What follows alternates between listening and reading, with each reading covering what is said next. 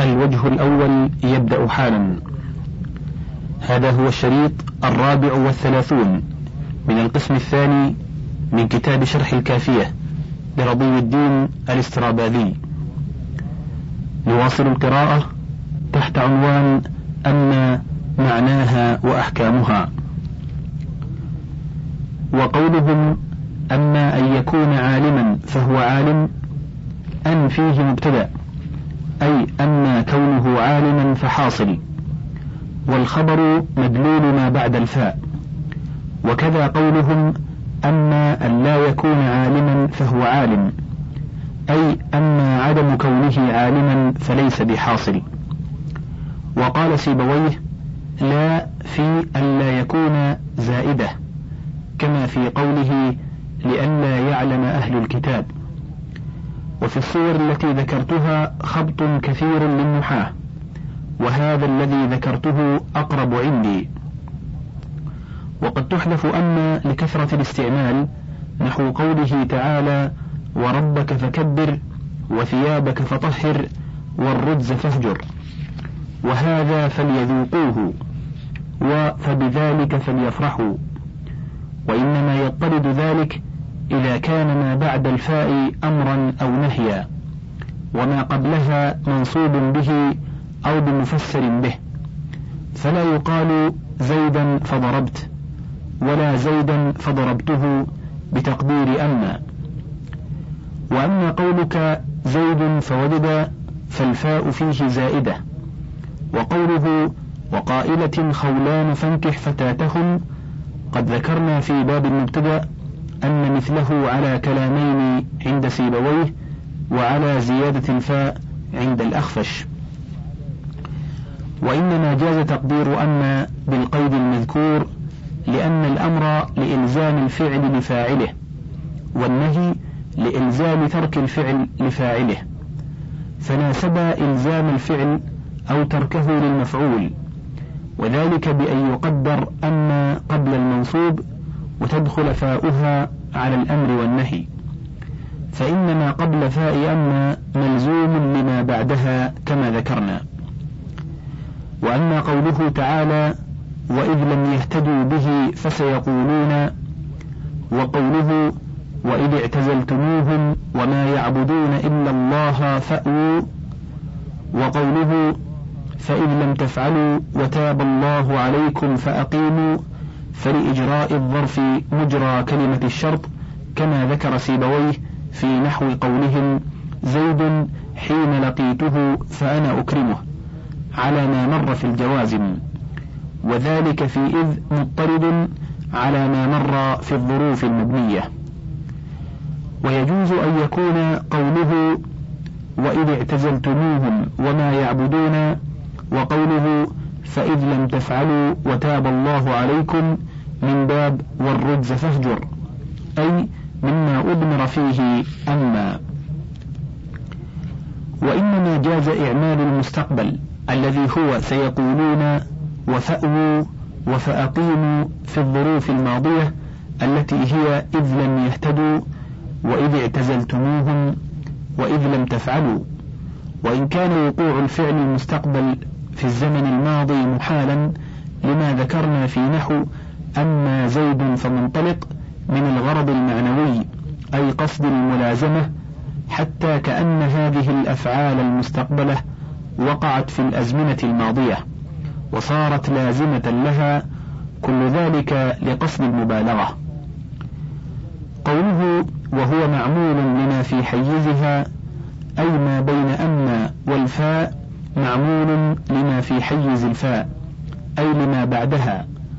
وليس ذلك بمطلق عند المصنف لأن المبتدأ في نحو أما زيد فقائم خارج عنه إذ العامل فيه الابتداء عنده. وكذا أداة الشرط مع الشرط في نحو قوله فأما إن كان من المقربين خارجة عنه. قوله مطلقا أي سواء كان ما بعد الفاء شيء يجب له صدر الكلام كإن وما النافية في نحو أما يوم الجمعة فإنك مسافر أو لم يكن وذلك للغرض المذكور. هذا مذهب المبرد واختاره المصنف. وقال بعضهم هو معمول للمحذوف مطلقا أي سواء كان بعد الفاء شيء يمنع من عمل ما بعد الفاء فيما قبلها أو لا. فنحو أما زيد فقائم عنده بتقدير أما ذكر زيد فهو قائم. وأما يوم الجمعة فزيد قائم أي أما ذكرت يوم الجمعة إلى آخره.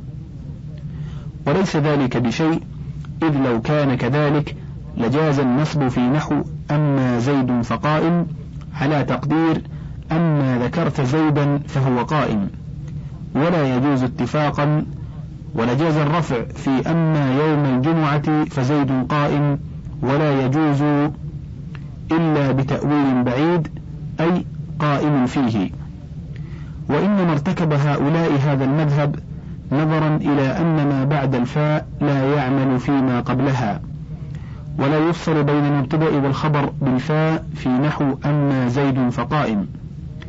ولم يتنبهوا إلى أن التقديم في مثل هذا المقام خاص للأغراض المذكورة وذهب المازني إلى أنه إن لم يكن بعد الفاء مستحق للتصدر كإن وما أو مانع آخر من عمل العامل فيما قبله ككون العامل صفة ومعموله قبل موصوفه نحو أما زيدا فأنا رجل ضارب. أو كون المعمول تمييزا وعامله اسم تام نحو أما درهما فعندي عشرون أو كون العامل معنون التأكيد نحو أما زيدا فلا أضربنه أو صلة نحو أما القميص فأن تلبس خير لك فإن لم يكن أحدها فالعمل لما بعد الفاء وإن كان بعد الفاء أحد هذه الموانع فالعامل هو المقدر وهو معنى قوله وإلا فمن الثاني.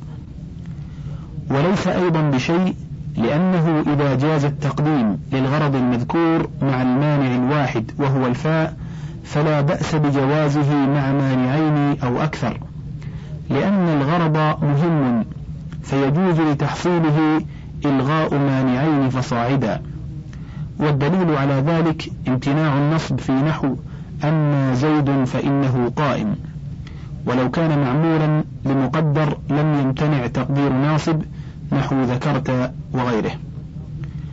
قال ابن خروف وقد تبدل الميم الأولى من أن ياء قال رأت رجلا أيما إذا الشمس عارضت فيضحى وأما بالعشي فيخفر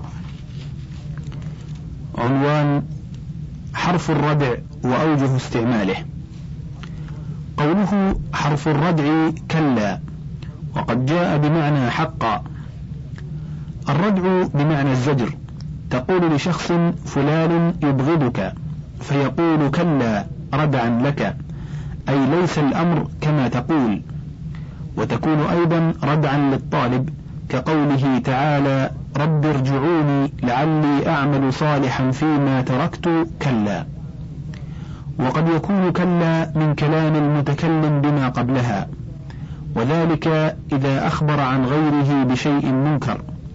فيذكر بعده كلا بيانا لكونه منكرا كقوله تعالى واتخذوا من دون الله آلهة ليكونوا لهم عزا كلا. وقد يكون كلا بمعنى حقا كقوله تعالى كلا والقمر وكلا إن الإنسان ليطغى. فيجوز أن يجاب بجواب القسم كما في الآية وأن لا يجاب كقوله تعالى كلا بل تحبون العاجلة وكلا إذا بلغت التراقي. وليست للردع إذ لا معنى له إلا بالنظر إلى ما قبلها. وقد تحتمل المعنيين كما في قوله ثم يطمع أن أزيد كلا إنه كان لآياتنا عنيدا.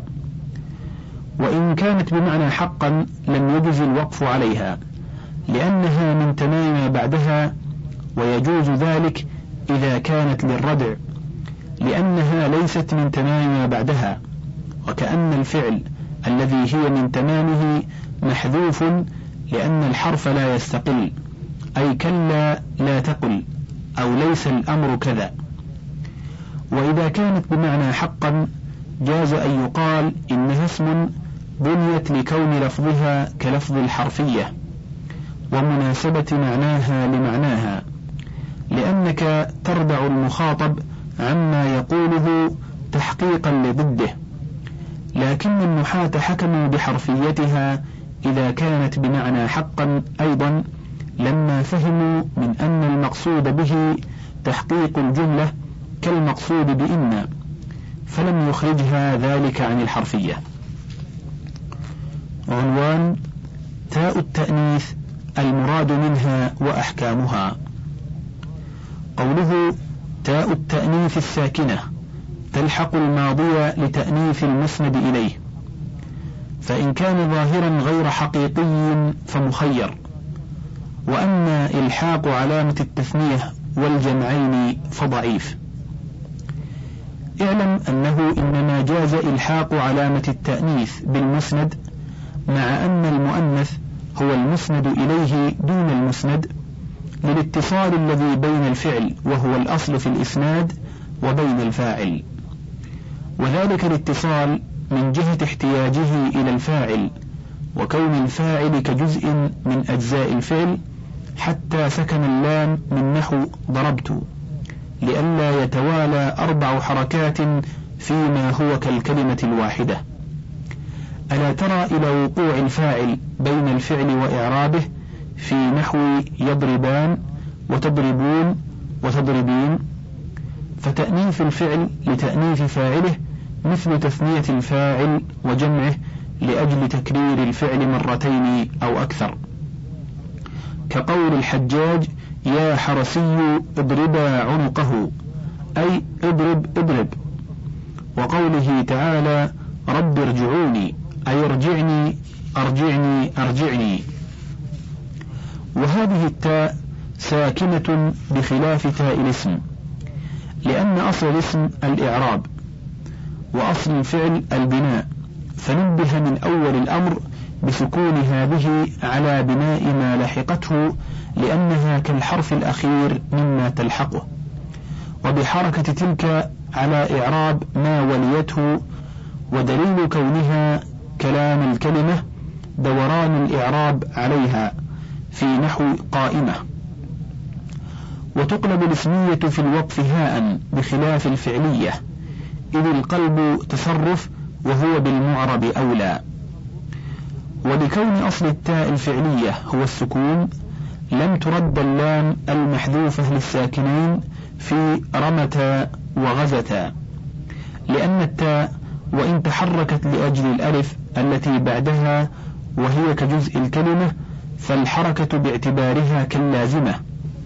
إلا أن أصل البناء السكون فالحركة عليها كلا حركة بخلاف حركة اللام في لم يخافا ولم يخافوا وخافا وخافوا وخافي وخافن وبيعن وقورن. فإن عين الفعل في هذه لم تحذف لأن سكون اللام في المضارع ليس بأصل حتى إذا تحرك لعارض قلنا الحركة كالعدم كما قلنا في التاء الفعلية.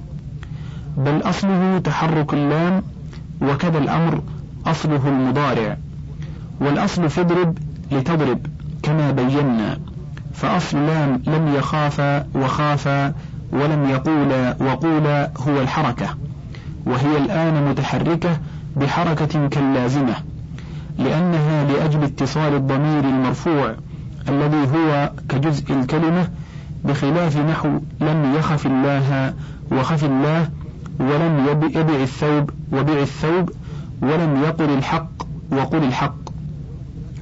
لأن اللام وإن كان أصلها الحركة إلا أنها عارضة ليست كاللازمة لأن الكلمة الثانية منفصلة.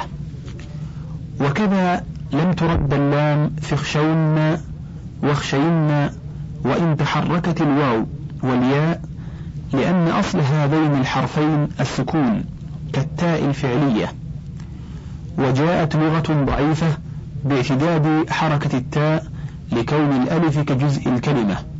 فقالوا رماتا وغزاتا. ولا تقول رمات المرأة لأن الحركة لأجل كلمة منفصلة ليست كجزء ما قبلها. إذ الظاهر ليس في الاتصال كالضمير.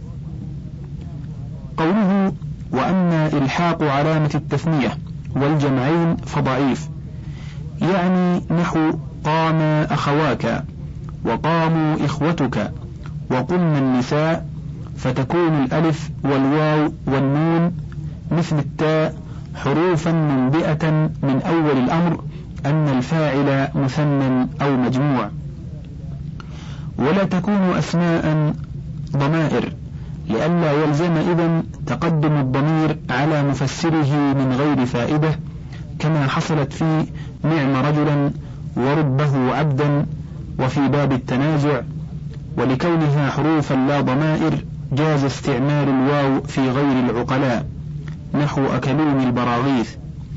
وقيل إنما فعل ذلك لأن الأكل في الأصل موضوع للعقلاء. وجاز استعمال النون في الرجال كقوله يعصرن السليط أقاربه. ويجوز أن يريد بالأقارب النسوة.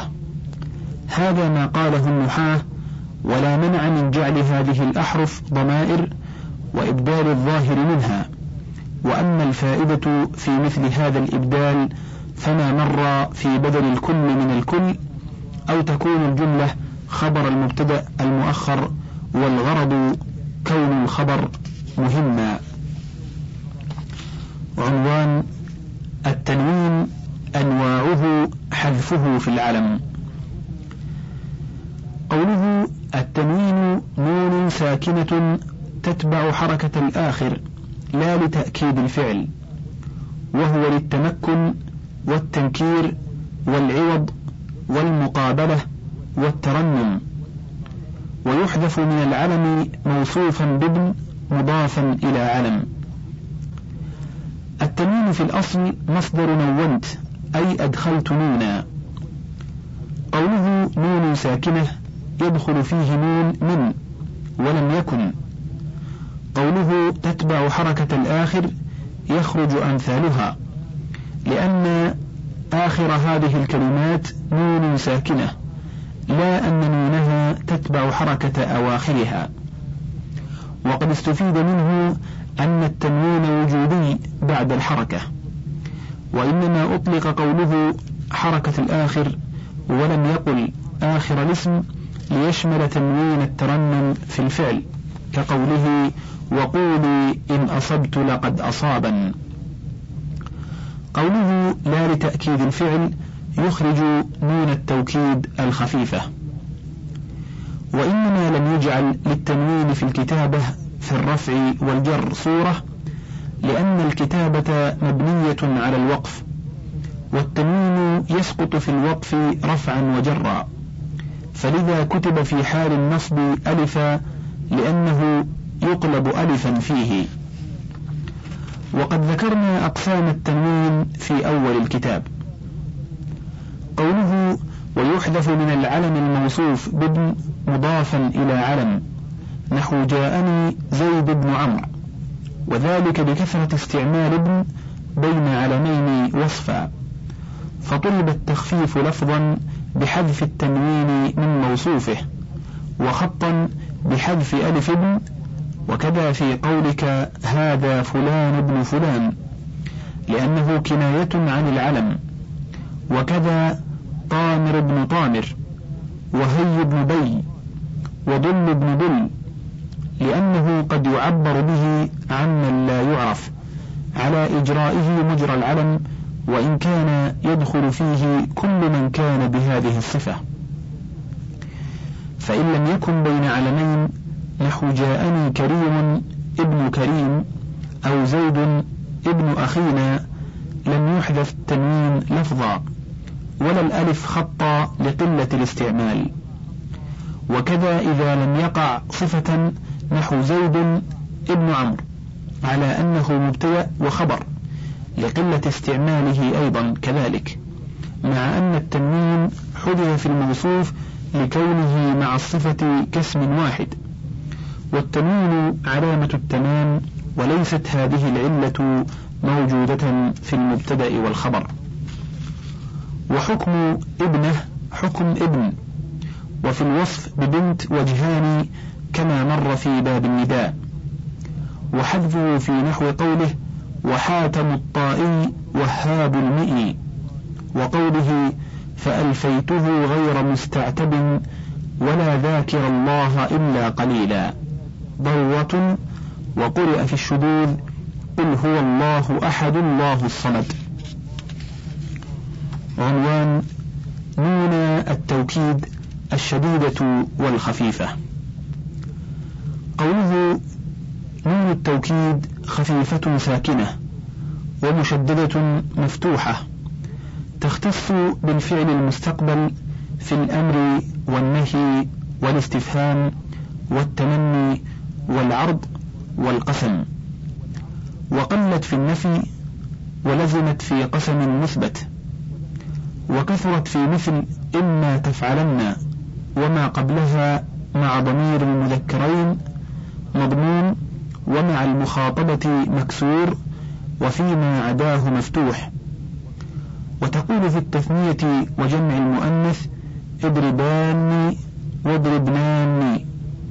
ولا تدخلهما ولا تدخلهما الخفيفة خلافا ليونس. وهما في غيرهما مع الضمير البارز كالمنفصل. فإن لم يكن فكالمتصل. ومن ثم قيل هل ترين وترون وترين واغزون واغزن واغزن؟ والمخففة تحذف للساكنين وفي الوقف فيرد ما حذف والمفتوح ما قبلها تقلب ألفا. إنما حركت المشددة بالفتحة لثقلها وخفة الفتحة وكسرت بعد ألف الاثنين وألف الفصل نحو اضربان واضربنان تشبيها بنون الإعراب التي في المضارع فإنها تكسر بعد الألف نحو تضربان وكذا النون في الاسم المثنى نحو الزيدان. قوله تختص بالفعل المستقبل إنما لم تدخل على الحال والماضي لما مر في المضارع. ودخولها في الأغلب المشهور في مستقبل فيه معنى الطلب كالأمر والنهي والاستفهام والتمني والعرض. وأما في المستقبل الذي هو خبر محض فلا تدخل إلا بعد أن يدخل على الفعل ما يدل على التأكيد أيضا. كلام القسم نحو والله لأضربن وما المزيدة نحو إما تفعلن. ليكون ذاك الأول توطئة لدخول نون التأكيد وإيذانا به. ثم الطلب على ضربين. إما طلب وجود الفعل أو عدمه كما في الأمر والنهي والتحضيض والعرض والتمني أو السؤال عن حصول الفعل كما في الاستفهام. نحو افعلن ولا تفعلن وهل لا تفعلن وألا تفعلن وليتك تفعلن وهل تفعلن. وكذا جميع أدوات الاستفهام اسمية كانت أو حرفية. قال أفبعد كندة تمدحن قبيلا. وتقول كم تمكثن؟ وانظر متى تفعلن. قال فأقبل على رهطي ورهطك نبتحث مساعينا حتى نرى كيف نفعلا. والخبر المصدر بحرف التأكيد نحو والله لتضربن. وكذا كل أداة شرط بعدها ما الزائدة. سواء جاز حذفها كما في إما تفعلن ومتى ما تفعلن وأيهم ما يفعلن وأيا ما تفعلن وأينما تكونن. أو كانت لازمة لكلمة الشرط كإذن وحيثما. وقد تدخل نون التأكيد اختيارا في جواب الشرط أيضا إذا كان الشرط مما يجوز دخولها فيه. نحو قوله فمهما تشأ منه فزارة تعطكم ومهما تشأ منه فزارة تمنعا وقوله نبت النبات الخيزراني في الوغى حديثا متى ما يأتك الخير ينفعا. لكنه أقل من دخولها في الشرط. وربما دخلت في الشرط بلا تقدم ما نحو إن تفعلن أفعل. قال من تثقفا منهم فليس بآيب أبدا وقتل بني قتيبة شافي. وتجيء النون أيضا بعد الأفعال المستقبلة التي تلحق أوائلها ما المزيدة في غير الشرط اختيارا لكن قليلا. نحو بجهد ما يبلغن وبعين ما أرينك أي أتحقق الذي أراه فيك وبألم ما تختننه. يضرب لمن يطلب أمرا لا يناله إلا بمشقة. ومن عظة ما ينبتن شكيرها. يضرب لمن كان له أصل وأمارة تدل على كون شيء آخر. وقل ما يقولن وكثر ما يقولن وربما يقولن. وإنما كان دخولها مع ما التي في الشرط أكثر منها في غيره لأن الشرط يشبه النهي في الجزم وعدم الثبوت. وأما قوله ربما أوفيت في علم ترفع ثوبي شمالات فضرورة وإنما حسن الزيادة ما في رب وترفعا في حيزها وتجيء النون بعد المنفي بلا إذا كانت لا متصلة بالمنفي قياسا عند ابن جني لأنها إذا تشبه النهي واستشهد بقوله تعالى واتقوا فتنة لا تصيبن الذين ظلموا منكم خاصة. وقيل إن لا في الآية للنهي. وقد تجيء مع لا النافية منفصلة. نحو لا في الدار يضربن زيد. وعند أبي علي لا تجيء بعد النفي اختيارا لعريه من معنى الطلب وتجرده من ماء المؤكدة في الأول. قال سيبويه تدخل بعد لم تشبيها لها بلاء النهي من جهة الجزم. قال يحسبه الجاهل ما لم يعلم شيخا على كرسيه معمما. وربما لحقت المضارع خاليا من جميع ما ذكرنا. قال سيبويه ويجوز في الضرورة أنت تفعلن. قيل وتدخل اسم الفاعل اضطرارا تشبيها له بالمضارع. قال أريت إن جاءت به أملودا مرجلا ويلبس البرودا أقائلن أحضر الشهودا وقال آخر يا ليت شعري عنكم حنيفا أشاهرن بعدنا السيوفا.